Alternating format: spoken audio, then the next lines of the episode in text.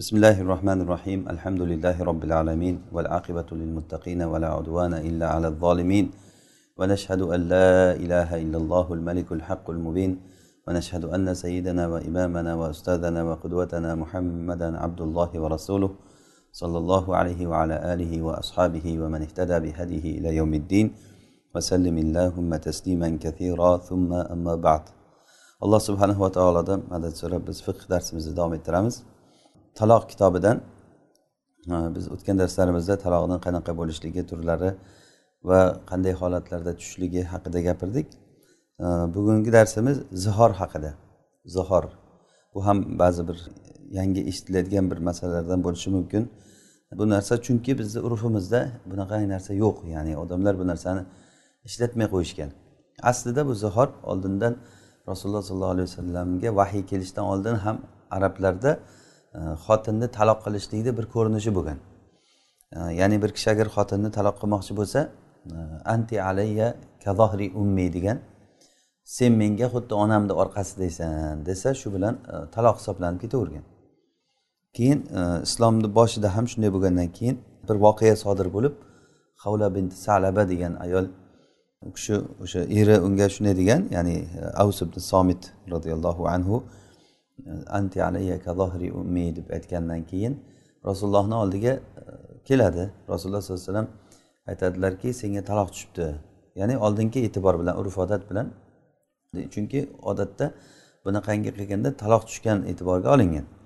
Taloq tushibdi deganlarida keyin qanaqasiga taloq tushadi men yoshligimdan beri bu bilan yashab umrimni o'tkazdim unga bola tug'ib berdim deb rasululloh bilan mujodala qiladi. Shunda shu haqda alloh subhanahu va taolo oyat tushirgan qad samiallohu qawlallati tujadiluka fi zawjiha va tashtaki ilalloh oyatlarini mana shunda zihor hukmlari zihor qilgan odamlar nima bo'ladi nima qilish kerak? Batafsil qur'onda bayon qildi alloh taolo. Demak bugungi o'rganadigan darsimiz shu. Bizda yo'q bu narsa urfimizda. Bizni urfimizda yo'q bo'lganligi uchun bu narsa yangilik bo'lib e, eshitilishligi mumkin. O'zi asli zihor degani lug'atda xotinini xotinini biror joyini onasi orqasiga o'xshatib aytishligi masalan anti alayya kazohri ummi degani zohara imroatahu degani xotinini zihor qildi degani e, xotiniga mana shu gapni aytdi degani ya'ni anti alayya kazohri ummi sen menga xuddi onamni orqasiga o'xshaysan degan gapni aytgan bo'ladi. Shar'an bu zihor degani tashbihu ma yudofu ilayhi talaqu min az-zawja bima yahrumu ilayhi an-nazaru min udwin udwi mahramihi musulmon kishi taloq xotininidan taloq izofa qilinadigan joyini ya'ni xotinida sen taloqsan desa masalan hamma joyiga izofa qilinadi. Sen degani butun hamma joyi. Yoki seni avrat joying taloq desa masalan. Yoki masalan seni yuzing taloq desa masalan. Yoki qorning taloq desa masalan zohiring taloq desa orqang taloq desa masalan. O'shanda taloq degan gapni ishlatsa to'g'ri bo'ladi. Biz kitob taloqda aytib tushadigan holatlari bo'ladiku. Masalan aytdikki tirnog'ing taloq desa taloq tushmaydi degan edik. Chunki u tirnoqqa izofa qilinmaydi. Bu ham keyin aytdikki urf bo'yicha masalan tirnoqdan agar odamni hamma joyi ishlatilaversa tirnoqqa ham tushadi.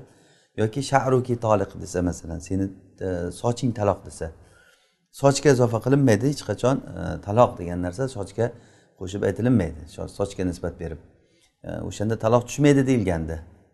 Bu urf bo'yicha ham farq qiladi bir biridan bu gaplar. Agarda o'sha taloqni unga qo'shishlik izofa qilib aytishlik to'g'ri bo'ladigan holat bo'lsa ana o'shanda masalan aytsaki seni qorning e, onamni falon joyiga o'xshaydi desa o'shanda zihor qilgan bo'ladi. Demak xotiniga taloq qilishligi mumkin bo'lgan a'zosini xotinini. Nimaga o'xshatadi? O'zini mahramlaridan unga odam qarashligi harom bo'layotgan joyga o'xshatadi. Ha. Masalan yuziga o'xshatsa hech narsa emas seni yuzing onamni yuziga o'xshaydi. Bu hech narsa emas. Masalan seni soching onamni sochiga o'xshaydi masalan yoki seni qo'ling masalan onamni qo'liga o'xshaydi desa qarashlik harom bo'lgan narsa emas.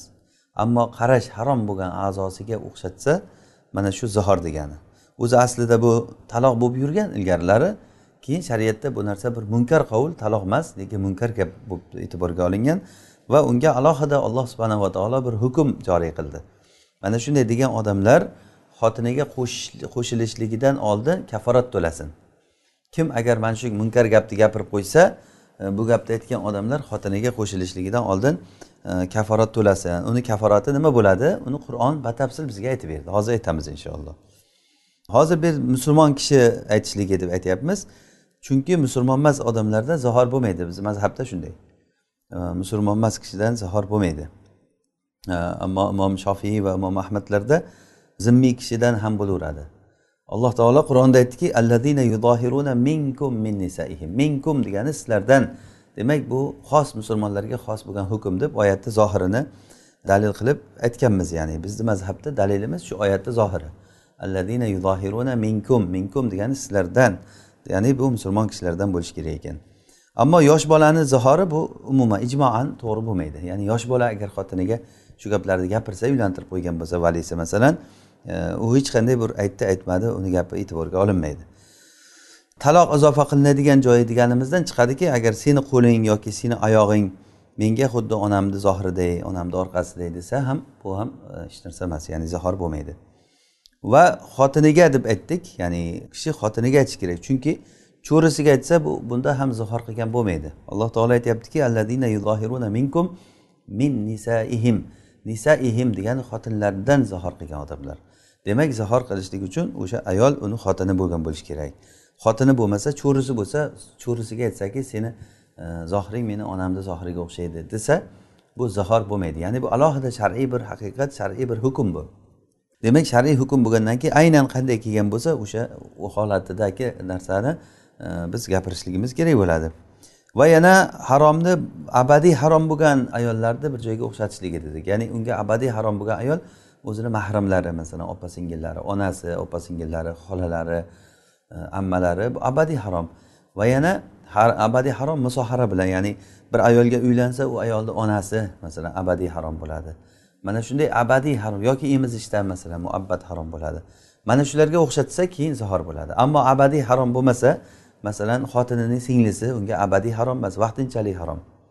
Xotinini singlisi yoki xotinini xolasi e, unga harom lekin vaqtinchalik. Chunki ikkita opa singilda yoki xola bilan jiyanni bitta nikohda jamlashlik mumkin emasligi uchun harom bo'lib turibdi. Agar singlisini taloq qilsa opasiga uylansa bo'ladi. Opasini taloq qilsa singlisiga uylansa bo'ladi.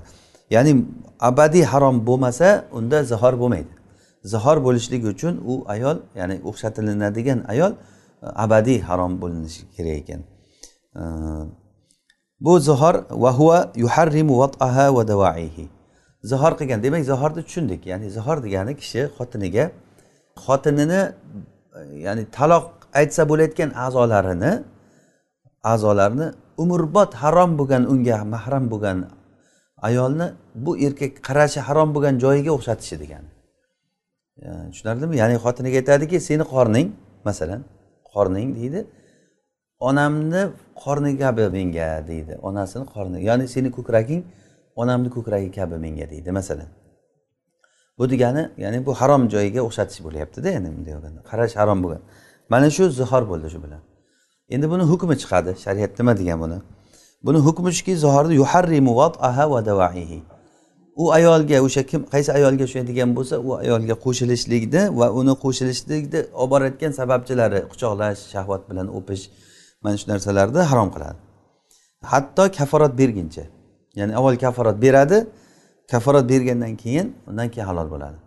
Bo'lmasa masalan bir odam agarda shu gapni gapirsada xotiniga e, qaytish niyati bo'lmasa seni orqang menga onamni orqasiga o'xshaydi degandan keyin odam anti toliq deb yuborsa masalan xotiniga bo'ldi taloqsan desa taloq bo'lib ketsa bo'ldi bu gapi uchun gapirgan gapi uchun u e, kafarat to'lamaydi. Qachon kafarat to'laydi? Bu gapni gapirib qo'ygan odam xotiniga yaqinlik qilishlikni xohlagan paytda kafarat to'laydi. Qachon xotiniga qo'shilmoqchi bo'lsa ana o'shandagina kafarat to'laydi. Ho'p. Agar aytsaki vafi anti alayya e, ka ummi desa sen menga onam deysan desa ya'ni anti alayya ya'ni xotinni shu holatini onasini shu holatiga o'xshatyapti. Shunda soha niyatul karoma. Karomatni niyati sahiy bo'ladi. Ya'ni bu odam aytsaki ikromda hurmat qilishlikda men e, onamga o'xshatgan edim sen menga onam deysan degani ya'ni onamga qanchalik men mehribon bo'lsam senga ham shunchalik mehribonman. Onamni qanchalik asrab avaylasam seni ham shunchalik asrab avaylayman. Yoki onamni qancha hurmatlasam seni ham shuncha hurmatlayman degan narsani niyat qiluvdim men desa niyat qiluvdim desa niyati olinadi. Va yoki bo'lmasa vasoha zihor zihorni niyati ham sahiy bo'laveradi. Agar aytsaki men mana shu gapim bilan zihorni niyat qiluvdim desa chunki bu bunda ham gap to'g'ri. Ya'ni chunki bu onasini hamma joyiga xotinini hamma joyini onasini hamma joyiga o'xshatyapti. Bu ham zihorga to'g'ri keladi. Bu narsa ya'ni niyat qiluvdim degani bilan tamom ishoniladi gapiga. Va yana soha niyat sahiy bo'ladi taloqni niyat qilgan bo'lsa. Ya'ni bu degani anti alayyaka ummi degani anti toliq deganligidan kinoya qilib aytuvdim men. Bu kinoya taloqlarni biz aytgandik oldinda. Taloq sarih ochiq bo'ladi yoki kinoya bo'ladi. Kinoya qilib aytuvdim buni desa bunda ham niyati e, to'g'ri chunki muhtamal bu narsa. Ya'ni gapini ehtimoli bor bunga ham. Qaysi gapda ehtimoli bo'ldimi o'sha ehtimolini niyat qiluvdim desa uni gapiga ishonish kerak. Musulmon odamni o'zi asli gapiga ishonishlik kerak bo'ladi. Musulmon aqlli odam bo'lgandan keyin u nima degdim? desa shu gap mana shu niyatda mana shu narsani qiluvdim desa o'sha niyatiga ishonishligimiz kerak bo'ladi. Faillam yanvi agar hech narsani niyat qilmagan bo'lsa lag'o unda gap lag'u bo'lib ketadi. Agar hech narsani niyat qilmovdim desa unda gapi lag'u bo'ladi. Ya'ni sen menga onam deysan degani nima degani? Nima niyat qiluvding desa yo o'zimcha shunday aytuvdimda desa. Hech narsa niyat qilganim yo'q. Na taloqni ham zahorni ham e, niyat qilmagan yoki e, karomatda hurmatni ham niyat qilmagan. Hurmat qilyapman deb ham aytmagan. O'zimcha aytib yubordim desa e, lag'u bo'ladi gapi.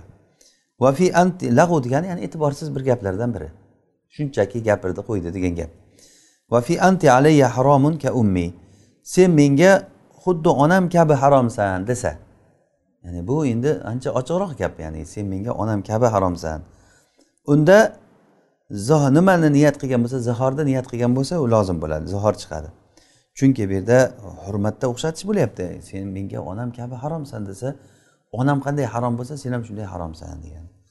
Bu zihorni niyat qilgan bo'lsa zihor o'tadi o'tadi yoki taloqni niyat qilgan bo'lsa taloqni o'tadi. Chunki bu sen menga onam kabi haromsan degani anti toliq deganidan e, kinoya bo'lyapti bu. Sen taloqsan degan gapdek bo'ladi. Agarda shuni niyat qilgan bo'lsa boyin taloq bo'ladi xotini. Sen menga onam kabi haromsan desa agar taloqni niyat qilib aytgan bo'lsa o'shanda boyin taloq bo'ladi. Boyin taloqda aytganmiz. Hop bihi agar bu bilan niyat qilmasa hech narsani niyat qilmagan bo'lsa ya'ni sen menga xuddi onam kabi haromsan deganda hech narsani niyat qilmagan bo'lsa va unda abu yusufda bu ilo bo'ladi. Abu yusufda ilo bo'ladi. Va muhammad rahimaullohda zihor deb aytganlar. Ya'ni abu yusuf buni shakli iloga o'xshaydi. Ilo deganda biz o'tgan darsimizda aytgandikki kishi qasam ichadi xotinimga qo'shilmayman deb. Bunda to'rt oy muddat beriladi. To'rt oydan keyin agar davom etaman desa unda xotiniga taloq tushib qoladi dedik. O'rta ajraladi. Bunda fuqarolarda xilof bor. Ba'zilar e, hozir ajratadi o'zidan o'zi ajralib ketmaydi degan. Ilo ya'ni kecha darsimizda buni batafsil aytgan edik. Abu yusuf rahimaullohda bu ilo bo'ladi va muhammad rahimaullohda bu zihor bo'ladi. Muhammad rahimaullohda zahor bo'ladi. Hop. Agar xotinlariga qarab aytsaki antunna alayya kazohri ummi deb ayollarni hammasiga aytsa sizlar to'rtta xotinni terib qo'yib hammanglar meni onamni orqasidaysan menga hammang desa o'shanda bu zahor qilgan bo'ladi hammasiga. Har biriga bittadan kaforat beradi. Har biri uchun har bitta xotini uchun bitta bittadan kaforat beradi. Ya'ni har bitta xotin uchun o'shanda to'rtta kaforat beradi. Ammo imom molik imom ahmad abu savr e, bu kishilar aytgan ekanki bitta kaforat bo'ladi. Ya'ni bir marta aytgandan keyin bu nechta xotiniga aytsa ham bitta aytgan hisoblanadi bitta kaforat beradi degan. Ho'p ixtilofga ko'ra ya'ni bu. Demak to'rtta xotiniga bittada aytsa hammalaring e, menga shunaqasilar desa demak bizni mazhabda nima? Bitta kaforat beradi o'shanda. Qachon xotinlari yana qo'shilishlikni xohlasa?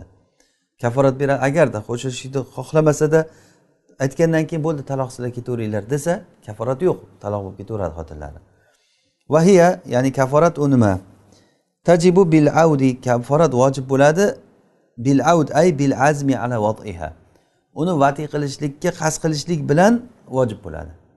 Ya'ni qachon xotiniga qaytmoqchi bo'lsa xotinim menga harom deganday qilib zihor qilgandan keyin e, endi xotiniga qaytmoqchi bo'lsa ana o'shanda keyin kaforat vojib bo'ladi. Vahiya itqu raqobat kaforat u birinchidan qul ozod qilish eng birinchi o'rinda. Ya'ni puli bor odam va qul topolgan odam qul ozod qiladi. U qul kichik bo'lsin katta bo'lsin musulmon bo'lsin kofir bo'lsin uni farqi yo'q. E, lekin murtad bo'lsa bo'lmaydi endi. Murtad bo'layotgan bo'lsa uni aslida u o'ldirilishlikka mahkum bo'lgan odam o'lik o'lik holatidagi odamni e'tiborida bo'ladi u murtad bo'lgandan keyin billah. Ho'p la fait faita jinsil manfaa.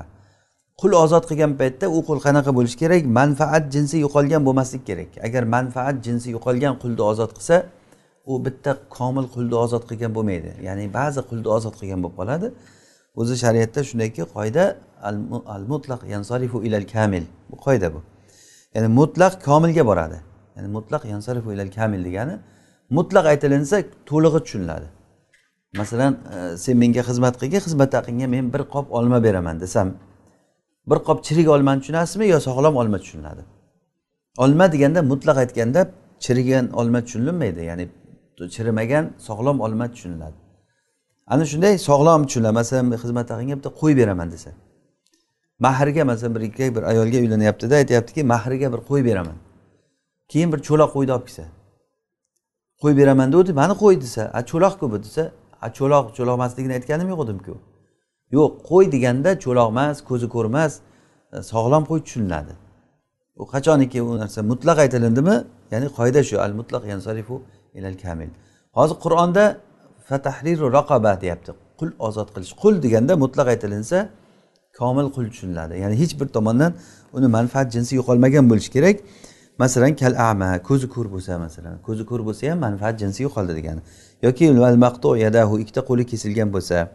Yoki ikkita oyog'i kesilgan bo'lsa. Yoki ikkita bosh barmog'i bosh barmog'i kesilgan bo'lsa.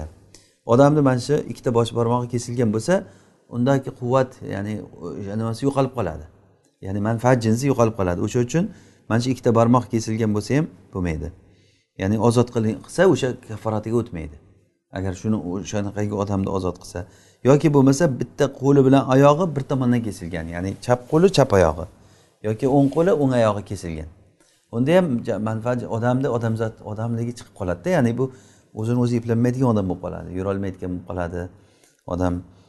Ya'ni mana shunaqangi qulni ozod qilsa deyapti qul ozod qilgan hisobiga o'tmaydi. Ya'ni bu kaforatiga o'tmaydi bunda. Bunda tahrir raqobatin deganda raqoba kamila komil qul e, tushuniladi.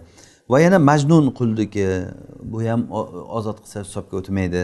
Mudabbar bo'lsa ham o'tmaydi. Mudabbarda aytgan degan mudabbar nimaligini ya'ni mudabbar degani qulga sayyida aytadiki anta hurrun dubura hayati deydi. Sen men o'lganimdan keyin ozodsan deydi. Men o'lganimdan keyin ozodsan deydi. Mana shunday qulga ham shunday deyilgan bo'lsa mudabbar bo'lsa uni ham ozod qilsa kaforatiga o'tmaydi. Chunki biz aytdikki tahriru raqobatin degandagi raqoba bu mutlaq ya'ni komil tushuniladi.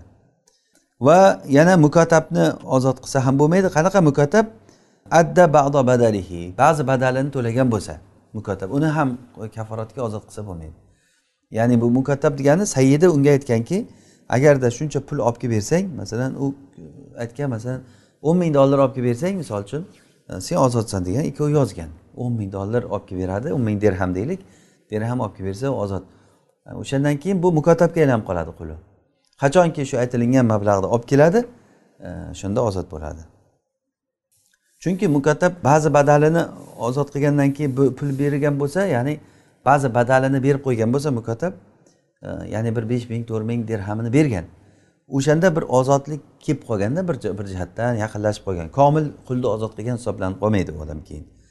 Va yana mushtarak qulni yarmini ozod qilishlik bilan ham bo'lmaydi. Kaforatidan ozod qilsa mushtarak qulni yarmini. Masalan ikki kishi o'rtaliqqa bitta qul olgan. Ikki kishi o'rtaliqqa bir qul olgan bo'lsa keyin o'zi aslida hukm shunday. Masalan bu yerda bitta narsani bilib olamiz. Masalan men sherigim bilan bitta qul sotib oldik o'rtaga. Qul sotib oldik. Yarmi mendan yarmi sherigimniki.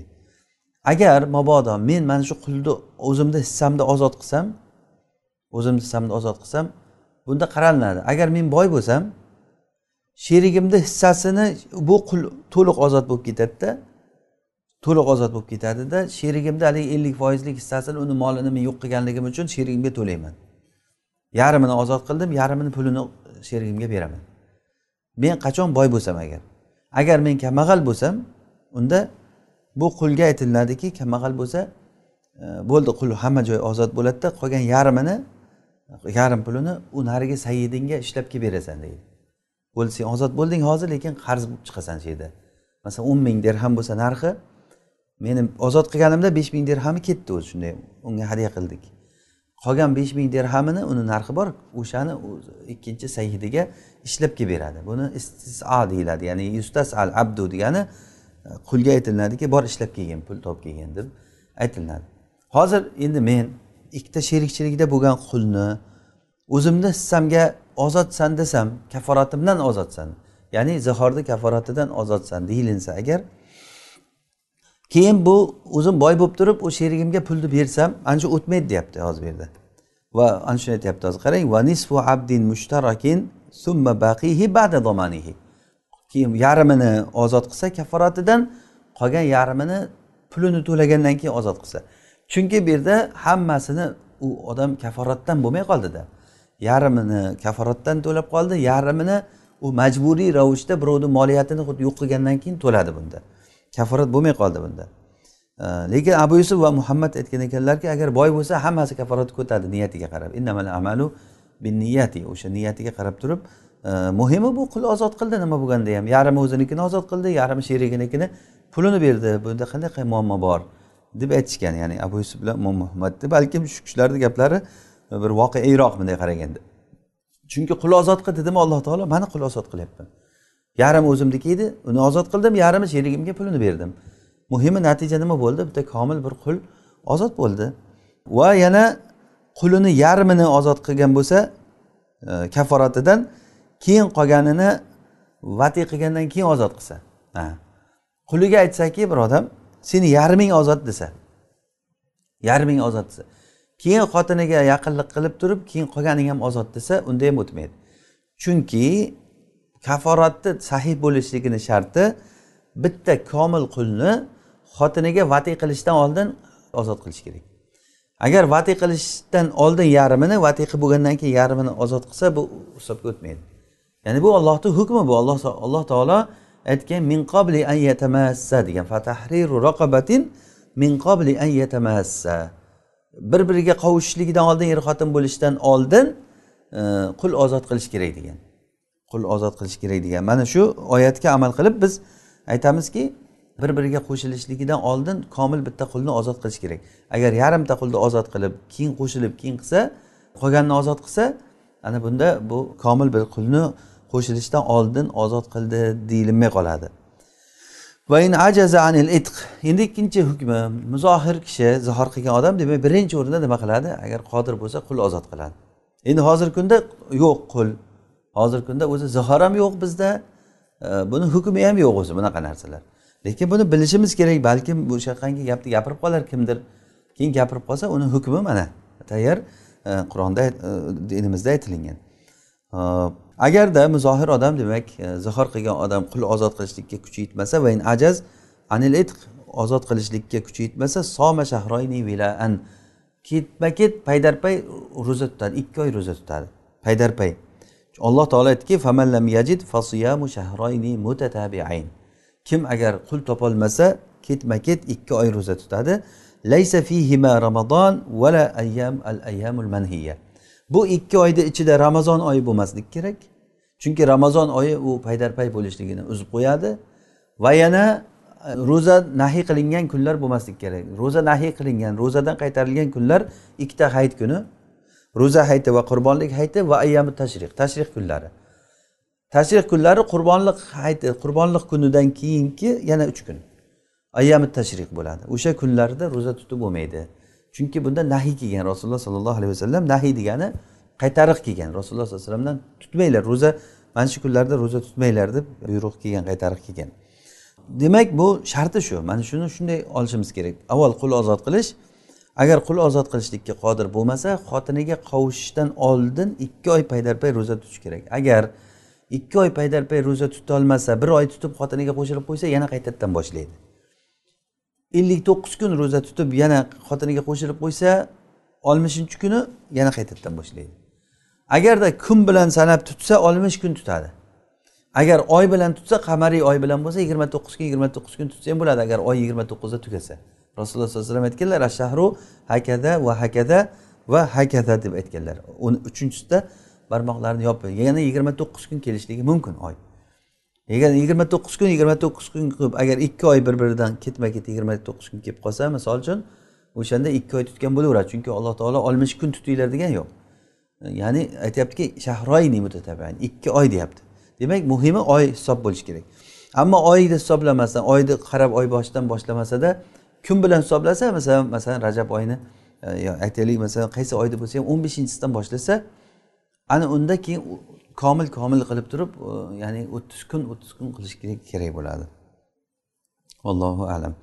Demak agarda ro'za tutishlikka e, sharti yana qo'shilmasi kerak. Ya'ni shu ikki oy ichida ro'za tutishlikni orasida lekin hayz bo'lib qolishligi bu nimasini paydarpay bo'lishligini buzmaydi. Ya'ni insoniy bir E, nimadan kelib chiqadigan bir e, nima bo'lsa masalan kasal bo'lib qolsa ro'za tutishda qattiq tutolmaydigan kasal bo'lib qolsa o'sha kasal bo'lib qolishligi ham buni paydarpayligini buzmaydi. Hatto ba'zi fuqarolar ramazon ham buzmaydi degan. Ramazon ham bu buzmaydi va hayitlar ham buzmaydi deyishgan. Chunki bu o'zini ixtiyori bilan to'xtatayotgani yo'q. Paydarpay bo'lishligi insonni o'zini ixtiyori bilan bo'lishi kerak. Paydarpay ya'ni paydarpay bo'lmay qolsa qachon o'zini ixtiyori bilan paydarpay bo'lishligini ketma ketlikni buzsa ana o'shanda u buzilgan bo'ladi. Agar ixtiyorisiz buzsa qanday kasal bo'lib qolishligi mumkin? Ayol kishi hayz bo'lib qolishligi mumkin ramazon bo'lib qolishligi mumkin qurbon e, bayramlar bo'lib qolishi mumkin hayitlar va yana nima? E, masalan insonni ixtiyorisiz bo'lib qolayotgan narsalar. Mana shunday narsalar agar buzib qo'ysa bu paydarpaylikni buzmaydi deyishgan ya'ni allohu alam. E, demak hozir bu yerda aytilayotgan fatvo shuki ikki oy ro'za tutadi. Orasida ramazon kirib qolishi kerak emas. Va yana orasiga qaytarilgan ro'zadan qaytarilgan kunlar qurbonlik kunlari e, hayit kunlari ikkita hayit va ayyomi tashrih kirib qolishi kerak emas. Agar va in aftoro istanaf agarda shu ikki oy ichida ro'zasini buzib qo'ysa ikki oy ro'za tutsa ro'zasini bir kunini bo'lsa ham buzib qo'ysa istanaf yana boshdan boshlaydi. Bu chunki oyatda zohirda nima dedi? Shahroyni mutatabiayn min qobli an yatamassa xotinlariga qo'shishlikdan oldin komil ikki oy tutish kerak degan. Mutatabiayn degan. Ya'ni agar ro'zasini bir kunini buzib qo'ysimi qo'ydimi mutatabiayn buzildi. Mana bu shariat bu alloh taoloni hukmi bu. Ya'ni qarangki odam e, ya'ni alloh taologa qul ekanligimizni bizni qanchalik ko'rinadiki? Bir og'iz gapni gapirib qo'yganligingiz uchun alloh taolo sizga mana shu shu jazoni berdi. Mana shu jazoni siz qilishligingiz shart musulmon bo'lib mo'min bo'lgandan keyin. Va qilishda ham olloh aytganday qilishingiz kerak. U har qanday qilish bilan bo'lmaydi u. Har qanday qilish bilan bo'lmaydi. Olloh aytgancha aytganday qilish kerak. Ya'ni ikki oy paydarpay uzmay tutish kerak va yana shu orada xotiniga qo'shilib qo'ymaslik kerak. Agar xotiniga o'sha xotiniga ya'ni xotiniga deganda aynan o'sha xotiniga. Masalan bitta xotiniga zahor qilgan odam ikkinchi xotiniga ham qo'shilmasin deyilmaydi. Aynan o'sha xotin e'tibor berdi. Ana shu xotinga qo'shilmasdan oldin e, ya'ni kaforat beradi. Agarda iftor qilib qo'ysa istana boshdan boshlaydi vakada in laylan amdan va yana xuddi shunday kechasi agar qasddan vati qilsa yoki kunduzi mutlaqo mutlaqan mutlaqo lekin bu yerda hozir shayxni kechasi amdan degan gaplari bu hidoyadan naql qilib olgan ekan bu gaplarini bu kun kechasi amdan qasddan qilib qo'ysa agar kechasi unutib qilsa bu demak bunda mafhumidan chiqadiki kechasida bilmasdan masalan uyqusirab masalan xotiniga qo'shilib qo'ysa hisobga o'tmas ekan. Ya'ni bu degani bo'laverar ekanda degan gap chiqmasin. E, ya'ni o'zi farqi yo'q. Kechasi bo'ladimi kunduzi bo'ladimi amdan bo'ladimi sahvan bo'ladimi uni farqi yo'q. Chunki oyatni zohirida nima deyapti? Min qobli an yatamassa xotiniga qo'shilishligidan oldin u tamas kunduzi bo'ladimi kechasi bo'ladimi uni farqi yo'q uni. Uni farqi yo'q. Kechasimi kunduzimi e, ya'ni qo'shilib qo'ydimi buni paydarpayligi buziladi. Buzilgandan keyin ikki oy buzildimi yana boshdan boshlaydi. Agar va in ajaz agarda ro'za tutishdan ojiz bo'lsa ya'ni birinchi o'rinda qul ozod qildi. Qulni qanaqa qulni ozod qiladi aytdik buni. Ikkinchi ro'za tutadi. Qanday tutadi buni? Buni aytdik. Agar ro'za tutishlikdan ojiz bo'lsa va in ajaz atama sittina miskinan oltmishta miskinga taom beradi. Oltmishta miskinga taom beradi. Alloh taolo oyatda shuni davomida nima dedi famallam yastati fa itamu sittina miskina. Kim agar yastati kimki ro'za tutishlikka qodir bo'lmasa u odam oltmishta miskinga taom beradi. Oltmishta miskinga taom berishlikda xotiniga qo'shilish qo'shilmaslik shartini qaydini aytmadi alloh taolo. Demak bu mutlaqni mutlaqligicha biz ishlataveramiz mana usul fiqda bir qoida bor. Al mutlaq yajri ala itloqihi val muqayyat yajri ala taqyidihi. Mutlaq aytilingan gaplar mutlaq tushunib amal qilaveramiz. Oyatda nimaniki alloh taolo bizga mutlaq aytdimi uni yo mana bunday qaytlash kerak degan gap yo'q. Mutlaq aytdimi bo'ldi mutlaqni masalan qul ozod qil desa qulni qaysi shahardan ozod qilishlikni aytmadi. Mutlaq bu. Qulni yoshi nechada bo'lsin uni aytmadi. Bu mutlaq. Erkak ayolligini aytmadi. Bu mutlaq bu. Musulmon kofirligini ham aytmadi. Qul ozod qil dedi. Demak bu mutlaq mutlaqligicha amal qilishimiz kerak. Yana nima masalan? Qisqasi shu mutlaq bo'lgandan keyin uni rangini ham aytmadi uni millatini aytmadi. Qaysi millatdagi qul bo'lsin? U falon millatdagi qul bo'lsin degan narsani aytgani yo'q. Demak shariatda bu narsa biz uchun juda katta bir e, yaxshi ilm bu. Ya'ni shariatda kelgan qur'on va sunna nususlarida qaysiki buyruq agar bizga mutlaq kelgan bo'lsa uni mutlaqligicha olishimiz kerak uni qaytlab olishligimiz bo'lmaydi. Masalan nafl e, ibodatlarni qilish mutlaq buyurildi bizga. O'shani kimki qaytlab aytsa yo naflni falon shabonni o'n beshinchi kuni yuz rakat o'qish kerak. Rajabni falonchi e, nimasida kunida faloncha rakat faloncha e, hisob bilan qilish kerak. Mana bu narsalar ya'ni mutlaqni qaytlash bo'lib qoladi mutlaqni qaytlash uchun o'zini dalili bo'lishi kerak. Dalilsiz qaytlasa shariatni hukmiga o'zgartirish kiritgan bo'lib qoladi. Masalan kimki aytsaki bu yerda qul ozod qil deganda qulda degani o'ttiz yoshdan oshgan qulni aytyapti bu yerda desa. Qani qayerdan olding bu gapni deymizmi? O'ttiz yoshdan oshgan degan joyi yo'qku desa yo mana shuni tushunamizda desa. Qul ozod qul degani endi o'ttiz yoshdan oshgandan keyin e, erkinlikka muhtoj bo'lib qoladi odam. Yosh bo'lsa uncha qullikni ham sezmaydi chop chop qilib yuraveradi. Yosh katta bo'lib qolgandan keyin u qulchilikdan ta'sirlanadi. Shuning uchun o'ttiz yoshdan keyin odam ozod bo'lishi kerak mustaqillikni yaxshi ko'radi deb bittasi ishtihod qilib aytsa. Mana bu degani qavlun alallohi big'ayri ilm. Alloh taoloni nomiga ilmsiz gapirish degani shu. Ya'ni mutlaq kelgan narsani biz mutlaqligicha tushunishligimiz shart. Hozir mana bu yerda mutlaq nimadan mutlaq bo'ldi? Oltmishta miskinni to'ydir degani min qobli ayatamassa degan nima kelmadi qaydi kelmadi demak bu qayd kelmadimi biz mutlaqligicha tushunishligimiz kerak bo'ladi. Ya'ni mana shu yerda miskinlarga qanday beramiz? Kullan ya'ni har bir miskinga qodral fitra. Fitr sadaqasini miqdorini beriladi. Fitr sadaqasini biz aytgan edik. Fitr sadaqasi xurmodan yoki nimadan bo'lsa e, bug'doydan bo'lsa yarim so yoki xurmodan yoki arpadan bo'lsa bir so beriladi. Bir so to'rt kiloga yaqin bo'ladi. Masalan arpa bersa xurmo bersa bir so bo'ladi. Uch kilo yetti yuz gramm ya'ni e, mazhabda e, boshqa jumhurni mazhabida bir so uch kiloga yaqin ikki kilo yetti yuz gramm bizni mazhabda e, bir so to'rt kiloga yaqin uch kilo yetti yuz yoki o'shani qiymatini beradi. Chunki maqsad miskinni hojatini ketkazishlik. Yo qornini to'qlaydi yoki o'shani o'sha berish kerak bo'lgan narsasini e, qiymatini beradi. Bu xuddiki fitr sadaqasida qiymat bersa bo'ladimi yo'qmi? Zakotda qiymat bersa bo'ladimi yo'qmi? Bu xilofiy masala o'shanga o'shanday gap bu. Ho'p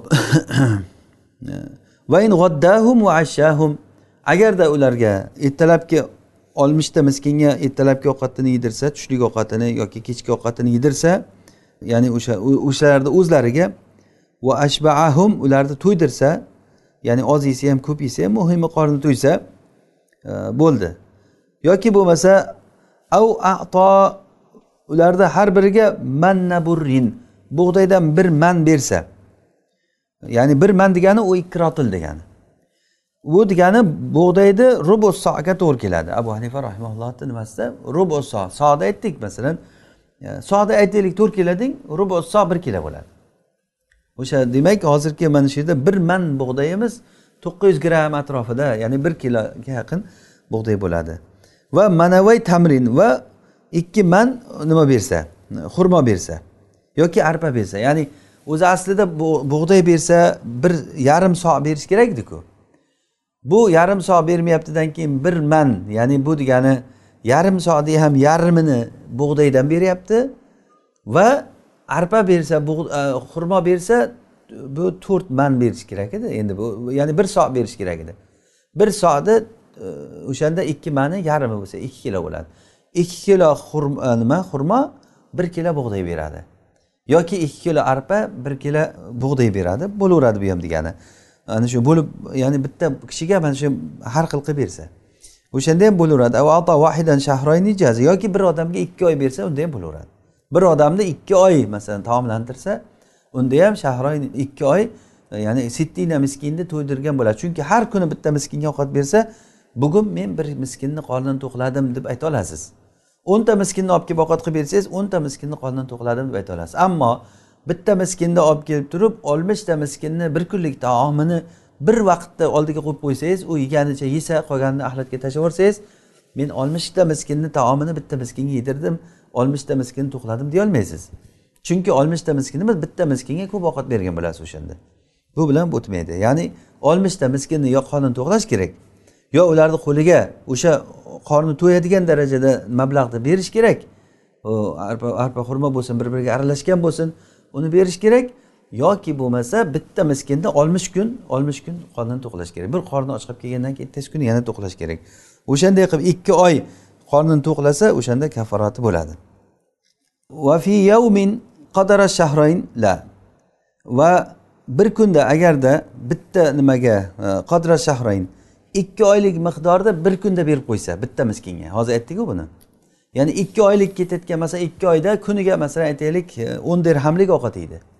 E, bir oyda uch yuz dirham ikki oyda olti yuz dirhamlik ovqatni bitta miskinga bir kunda beryapti. olti yuz dirhamga masalan oldiga qo'yib qo'ysa bo'ladi. Bitta qo'yni tandir qildirib yana qancha kaboblaru somsalar qilib turib olti yuz dirhamlik ovqat olib kelib mana yegin senga desa bu nechta miskin to'ydirgan bo'ladi bu? Bu bitta miskinni to'ydirgan bo'ladi bir mahal. Unda o'sha oltmishta miskinni xarajatini bitta miskinga bir kunda yedirsa ham u hisobga o'tmaydi. La unda bo'lmaydi deyaptilar. Vallohu alam. Mana shu bilan ya'ni zihor degan narsani bildik biz. Ya'ni qisqagina bo'lgani bilan deyarli hammasi o'tdi bizga. Zihor o'zi nima? Qachon zihor qilgan bo'ladi? Va zihor qilgan odam nima qilishi kerak? Demak zihor qilgan odam kaforat berishi kerak ekan. Qachon kaforat beradi? Xotiniga agar qaytmoqchi bo'lsa. Agar yo'q xotinim menga harom qilmoqchi edim bu taloqni niyat qilganman bo'ldi taloq desa bo'ldi hech narsa emas kaforat yo'q.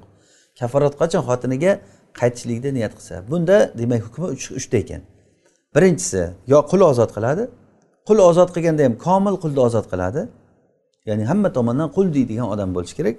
Agar qul topolmasa hozirgi kundagidek yo mablag'i bo'lmasa kambag'al bo'lsa o'zi ikki oy paydarpay ro'za tutadi. Orasida ramazon va qaytarilgan kunlar bo'lmasligi kerak. Xotiniga qo'shilishdan oldin agar shu qilish ishida agar xotiniga qo'shilib qo'ysa ro'zasida oxirgi kuni ham qo'shilib qo'ysa yana boshdan boshlaydi. Va yana agar ro'zaga qodir bo'lmasa oltmishta miskinni to'ydiradi. Lekin oltmishta miskinni to'ydirishlikda xotiniga qo'shilish qo'shilmaslik e, qayti yo'q. Chunki bu nima? Dalil mutlaq kelyapti. Mutlaq kelgandan keyin biz qoida aytdik al mutlaq yajri ala itlaqihi. Mutlaq mutlaqligicha ishlatiladi. Shariatda qaysiki dalil mutlaq aytilsa mutlaqligicha ishlatiladi. Vallohu alam. Mana shu zahorni hukmi. Keyin musannif rahimaulloh boshqa masalaga o'tdilar. Lion masalasi. Bu ham ya'ni e, hozirgi kunda umuman xalqni orasida amaldan qolib ketgan bo'lmasin ham bu narsa olloh asrasin. Mabodo bo'lib qolsa nima bo'ladi degan masala. Mabodo bo'lib qolsa e, lion degani o'zi nima degani bir kishi xotinini e, zino holatida ushlab olsa yoki zinoda ayblasa masalan o'zi aslida odam ayblash uchun xotinni ushlab olmasa bu zino qildi bu deb o'ziga o'zi la'nat olishligi juda qiyin narsa. O'sha uchun ham hozir biz e, laonni hukmlarini bu yoqda musannif rahimalloh tushuntirib aytadilar. E, uni bilgan odam keyin o'ylab qoladiki qiyin ekan bu. Ya'ni qanday qilib turib menga ollohni la'nati bo'lsin agar shu ayol zino qilmagan bo'lsa men yolg'onchi bo'lsam e, menga ollohni la'nati bo'lsin deyish juda qiyin narsa. Bunday deb kim ayta oladi? Bunday deb menga ollohni la'nati bo'lsin agar shu zinokor bo'lmasa deb kim ayta oladi? Xuddiki mana shu narsani mana nima desa bu qalam bu. Bu qalam yozadigan qalam. Ana shunga shunchalik ishonch bilan aytilasizmi? Bu yo'q qalam emas bir piyola bo'lishi ham mumkin desa birov bu ehtimol juda yam yo'q narsaku. Mana shunchalik ishonch bilan mana shu qalam deb qanday qo'limda turibdi ishonch bilan ayta olsam unda ham sen zino qilding deb turib ishonch bilan aytilsa shunday bo'ladi. Ya'ni o'sha olloh asrasin masalan bir kishi xotinni shunaqangi holatlarda agar ayblaydigan bo'lsa o'shanda lion degan narsani mulaanadan o'zi asli lion lug'atda mulaana degani. Ikki tomondan bo'ladi. Xotin tomondan ham er tomondan ham bir birini la'natlashlik bo'ladi.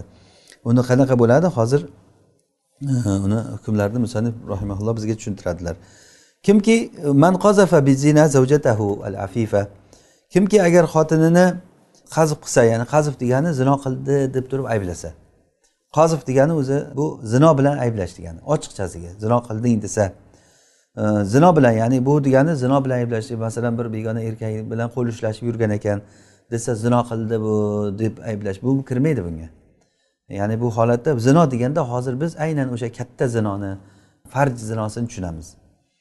Lekin ular ham zino masalan qo'l ushlashlik zino ko'z bilan qarash zino masalan bir xotin boshqa erkakka qarasa eri ko'rib turib sen qarading bergan erkakka zino qilding hozir deb bo'ldi sen zinokorsan sen senga ollohni la'nati bo'lsin bo'ldi u bu degan gaplar bo'lmaydi. Bu to'g'ri zinoni gunohi bor bunda. Ko'zda o'zini zinodan nasibasi bor qo'lda zinodan nasibasi bor oyoqda nasibasi bor. Lekin shariatda zino degandagi hukmlar joriy bo'ladigan zino bu farj zinosi bo'ladi. Demak kimki xotinini zinoda ayblasa o'zini xotinini e, ayblasa afif xotinini ya'ni afifa degani pokiza xotinini. Agarda xotin pokiza bo'lmasa pokiza bo'lmasligi qanday?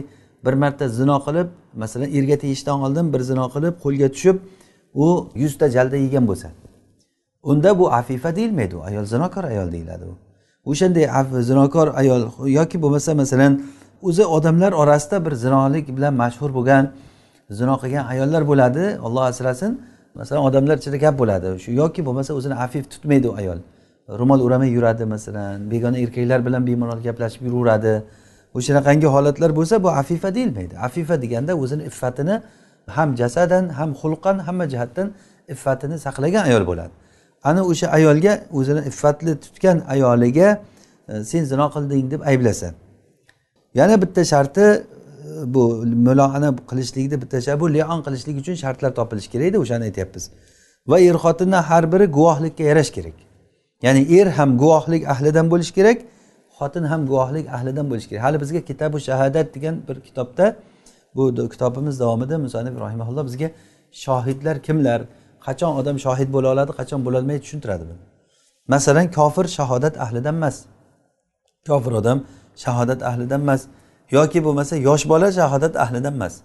Shuning uchun ham yosh bola laon qilolmaydi yoki qul shahodat ahlidan emas. Qulni shahodati o'tmaydi. Bu qul odam emas degani uchun emas bu. Shariatni hukmi shunday. Ya'ni shariatni hukmi qulni shahodati o'tmaydi. Qisqasi bu shahodat ahlidan bo'lishi kerak. Ya'ni ikkalasi ham ikkalasi ham soluha shahidan shohidlikka yarash kerak.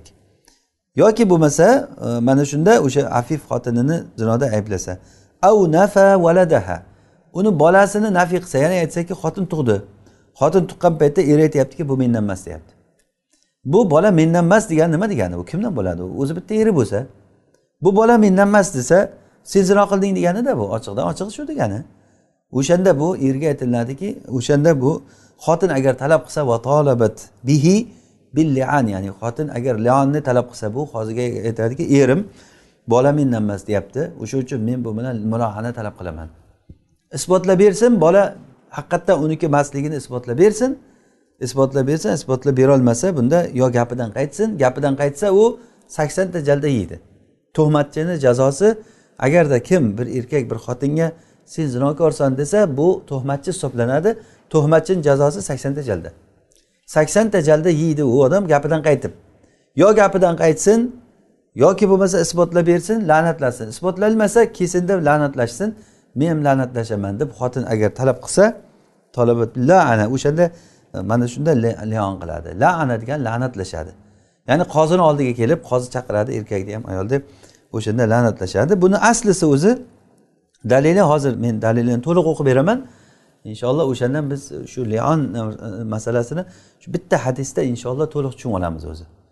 Bitta hadisda. Yana bitta foyda shu tolib ilmlarga bitta foyda ustozimizdan eshitgan nimamiz? Bu foyda aytadilarki har bitta fiqni masalasida masalan e, istihoza masalasi bo'lsin hayz masalasi bo'lsin yoki hozirgidek lion masalasi yoki shufa masalasi bo'lsin ijara masalasi bo'lsin o'shanda e, kelgan hadislar o'zi aslida qarasangiz bitta ikkita uchta hadisni atrofida aylanadi masala.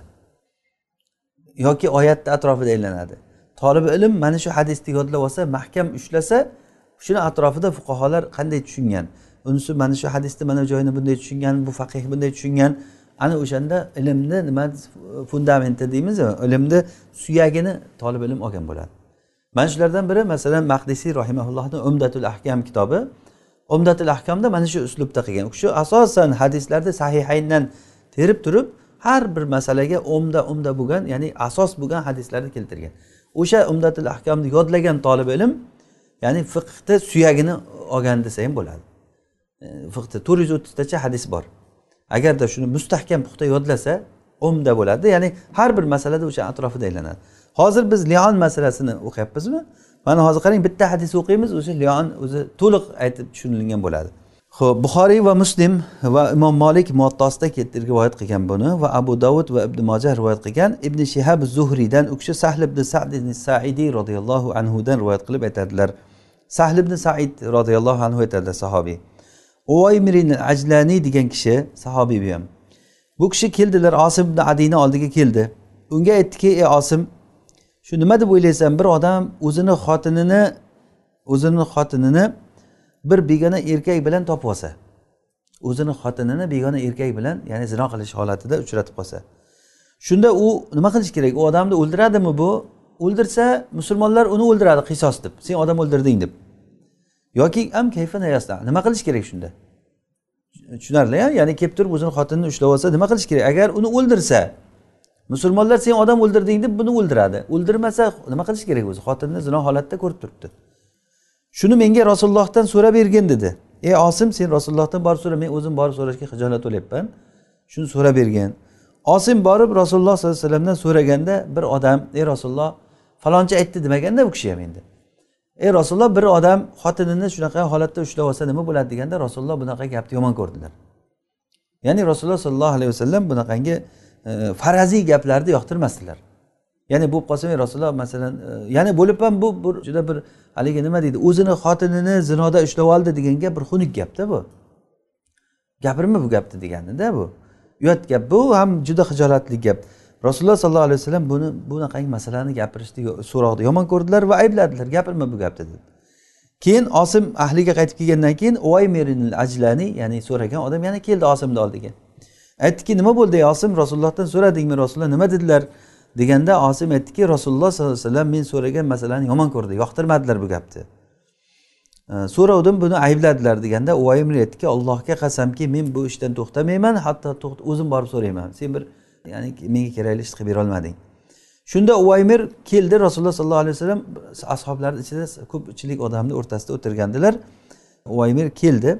Shunda aytdiki ey rasululloh nima deb o'ylaysiz bir odam o'zini xotinini agar bir kishi bilan uchratib qolsa? Ya'ni zino holatda bir erkak bilan ushlasa nima qiladi? Uni o'ldiradimi? O'ldirsa sizlar uni o'ldirasizlar odamlar uni o'ldiradi zino qilding deb. Yoki nima qilish kerak shu holatda? deganda rasululloh sollallohu alayhi vasallam aytdilarki sen va seni ahling haqida alloh taolo qur'on nozil qildi. Bor ahlingni bu yoqqa chaqir olib ket deganlar fazhab fati biha. Bor uni xotiningni olib kel kim uvaymerga aytyapti. Ya'ni bu narsa uvaymerni o'zida bo'lgan. Ya'ni o'zi xotinini shu holatda ushlagan bo'lgan. O'shanda bor xotiningni olib kel dedilar sahl aytadi sahl ibn said ya'ni hozir hadisni robiysi ibn shihab zuhriy kimdan? Sahl ibn saiddan rivoyat qilyapti. Sahl aytyaptilarki sahl roziyallohu anhu ikkalasi la'natlashdi o'shanda. Va ana maannas men ham sahl aytyapti rasululloh sollallohu alayhi vasallamni oldilarida odamlar bilan birga shu yerda qarab turgandim. Ular la'natlab bo'lgandan keyin falamma farog'o qola uvaymir uvaymir aytdiki agar ey rasululloh agar shuni endi xotin qilsam men yolg'onchi bo'lamanku dedilar. Ya'ni qanday qilib turib uni yolg'onchi buni la'natlashib buni zinoda ushladim deb agar bu zino qilmagan bo'lsa bunga menga alloh taoloni la'nati bo'lsin deb turib endi yana bu bilan yashayman. Shunda uvaymir salasan rasululloh sollallohu alayhi vasallam unga buyurishlaridan oldin o'zi uch taloq qilib yubordi o'sha yerda. Bo'ldi bor ket taloqsan dedi o'sha joyda. Rasululloh sollallohu alayhi vasallam lekin taloqqa demagandilar. Ibn shihob aytadilarki zuhriy hozir bizda hadisni rivoyat qarang ibn shihab zuhriy sahldan sahl hadisni rivoyat qilyapti sahobiy. Demak ibn shihob bu yerda robiylardan u kishi aytyaptilarki fakanat tilka sunnatal mutalainayni e, mana bu ikkita la'natlashuvchini sunnati yoki la'natlashuvchilarni mutalainin desak agar la'natlashuvchilarni er xotin bo'lib turib agar zino qilding qilganim yo'q deb bir birini la'natlashlikda sunnat ya'ni tariqa yo'l shu bo'lib qoldi. Ya'ni bu yo'l shu bo'lib qoldi degani demak la'natlashadi. La'natlashib bo'lgandan keyin eri xotiniga bor ket taloqsan deb yuboradi o'sha yerda mana shu hadis ya'ni mana hozir hadisda o'zi asli voqea shu bo'lgan. Bir kishi kelib xotinni ushlab olgan keyin kelib rasulullohdan so'raganda ular haqida oyat nozil bo'ldi. Oyatda ham shu haqda la'natlash nimasida batafsil aytilingan oyatda. Ancha tafsiloti keng aytilingan. Birinchidan er boshlaydi. Yabda u zavju er boshlaydi. Chunki er da'vogarda bu xotinim zino qildi degan kim da'vogar bo'lsa o'sha odam birinchi gapni boshlaydi. Muddai bo'lyapti. Bu odam hujjat olib kelishi kerak. Hujjati yo'q. Hujjati endi shu quruq gap faqat. Men ushlab oldim la'natlashlikka tayyorman deydi. To'rt marta aytadi. Ashhadu billah. Aytayotgan gapini qarang. Olloh nomi bilan guvohlik beramanki ya'ni bu degani uqsimu billah degani. Olloh nomi bilan qasam ichib aytamanki men to'g'riman. Aytayotgan narsamda men buni zino bilan ayblashlik masalada mana shu narsada men uni zinokor deb ayblayotgan narsamda meni gapim to'g'ri. Yoki bo'lmasa men bolani nafiy qilganimda bu bola mendan emas degan gapimda meni gapim to'g'ri men bunga qasam ichib aytaman guvohlik berib aytaman deb to'rt marta aytadi. Guvohlik beramanki men mana shu ayolni zinoda ayblashligimda to'g'riman.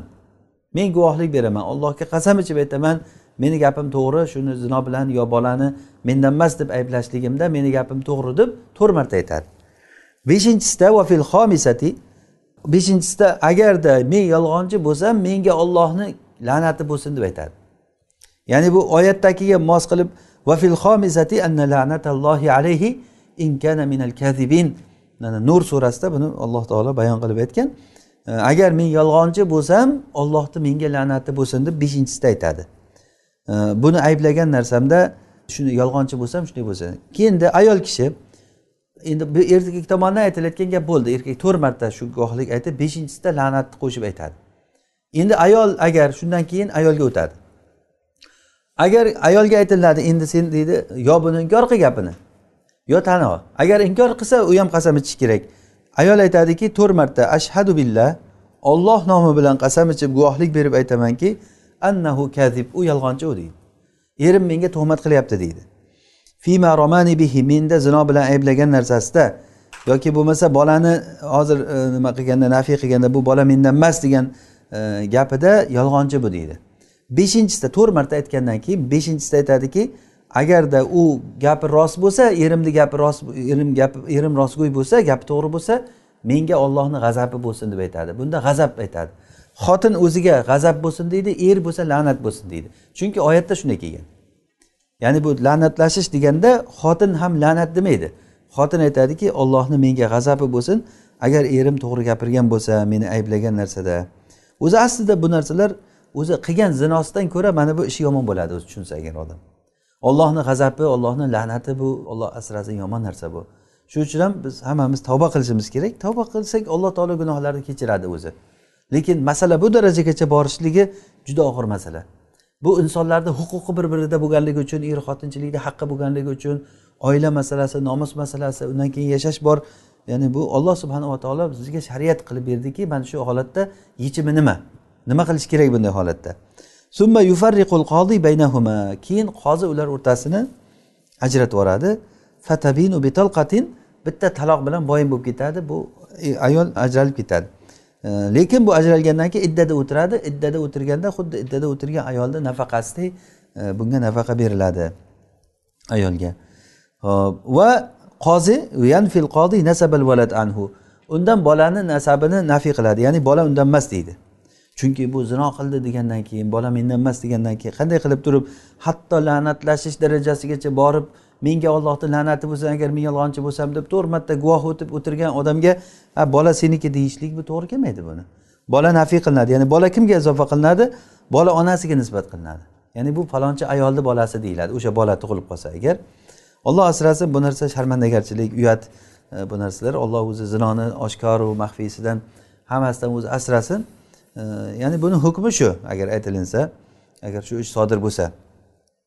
E, Ali roziyallohu anhu va abdulloh ibn masud sahobiylar aytishganki sunnat joriy bo'lgan e, hech qachon ikkita la'natlashganlar bir biriga jamlanmasligi deganlar. Ya'ni bular endi bo'l er xotin bo'lmaydi. Agar buni biri la'natlab unisi g'azablab g'azab bo'lsin deb turib ertaga yana e, qo'l ushlashib ko'chada xotin er xotin bo'lib yurgan bo'lsa bunday qilinmaydi. Ya'ni sunnat joriy bo'ldiki bo'ldi. Bu sen shunchalikkacha bordingmi endi bu xotin senga harom. Yashama sen bu bilan yashama sen bu bilan yashama deb ikkovsi ajratib yuboriladi. Val ilmu indalloh ollohni huzurida ilm.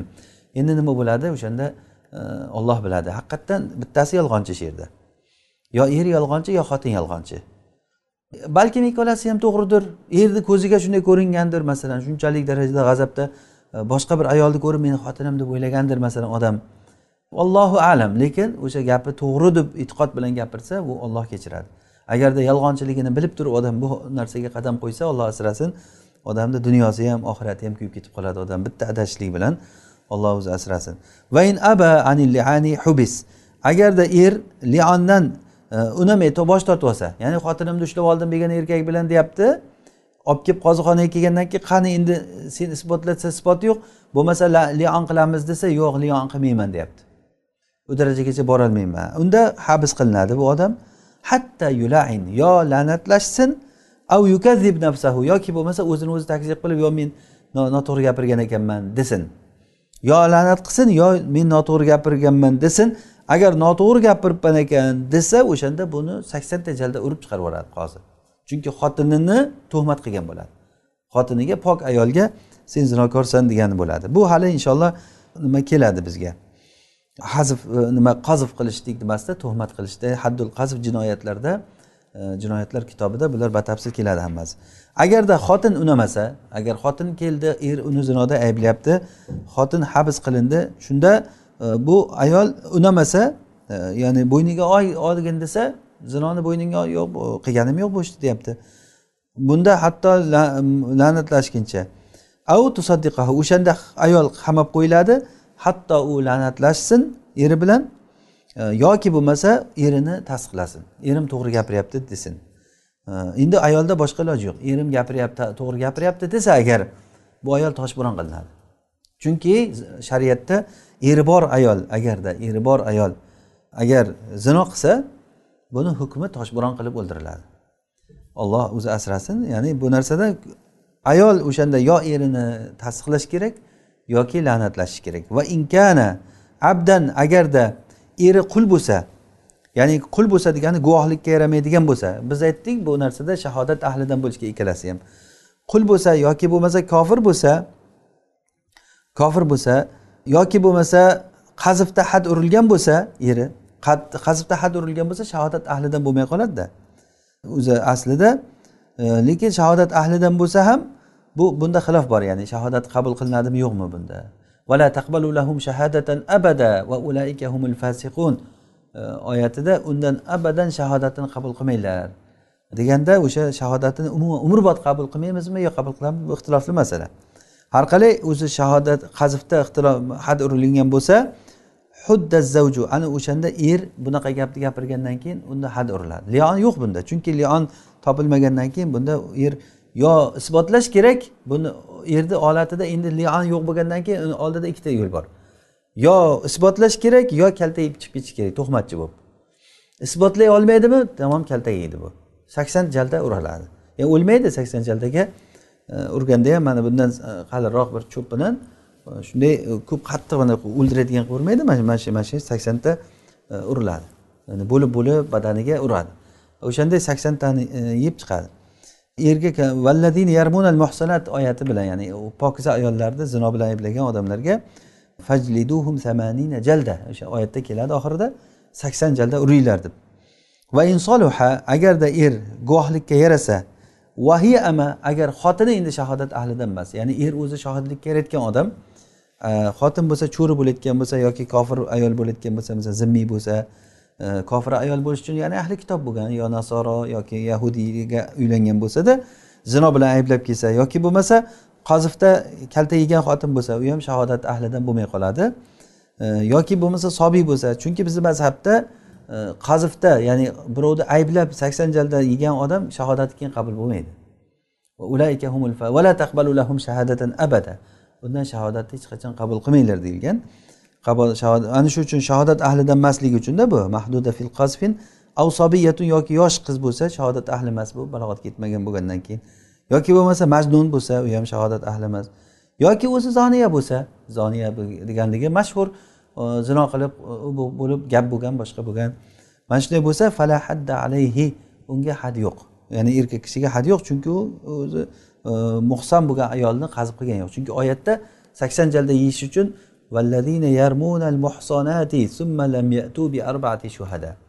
muhson bo'lgan ayolni muhson degani bu yerda afifat ma'nosida. Iffatli ayollarni e, zinoda ayblagan odamlarga saksonta jalda uriladi degan. Vala liana bunday paytda lion yo'q. Bunday paytda lion bo'lmaydi. Vallohu alam. O'sha lion masalasini tugatamiz dedik. Alloh qadari bilan e, yetmay qoldi. Inshaalloh kelasi darsimizda buni davom ettiramiz shu yerdan. Alloh subhanava taolo o'z darslarimizni davomli va barakatli qilsin. Alloh taolo bilmaganlarimizni o'rgatsin o'rganganlarimizga amal qilishlikka alloh tavfiq bersin. هذا ما أعلم. ربنا تعالى أعلى وأعلم. سبحانك اللهم وبحمدك نشهد أن لا إله إلا أنت نستغفرك ونتوب إليك. صل اللهم وبارك على عبدك ونبيك محمد عليه الصلاة والسلام. والسلام عليكم ورحمة الله وبركاته.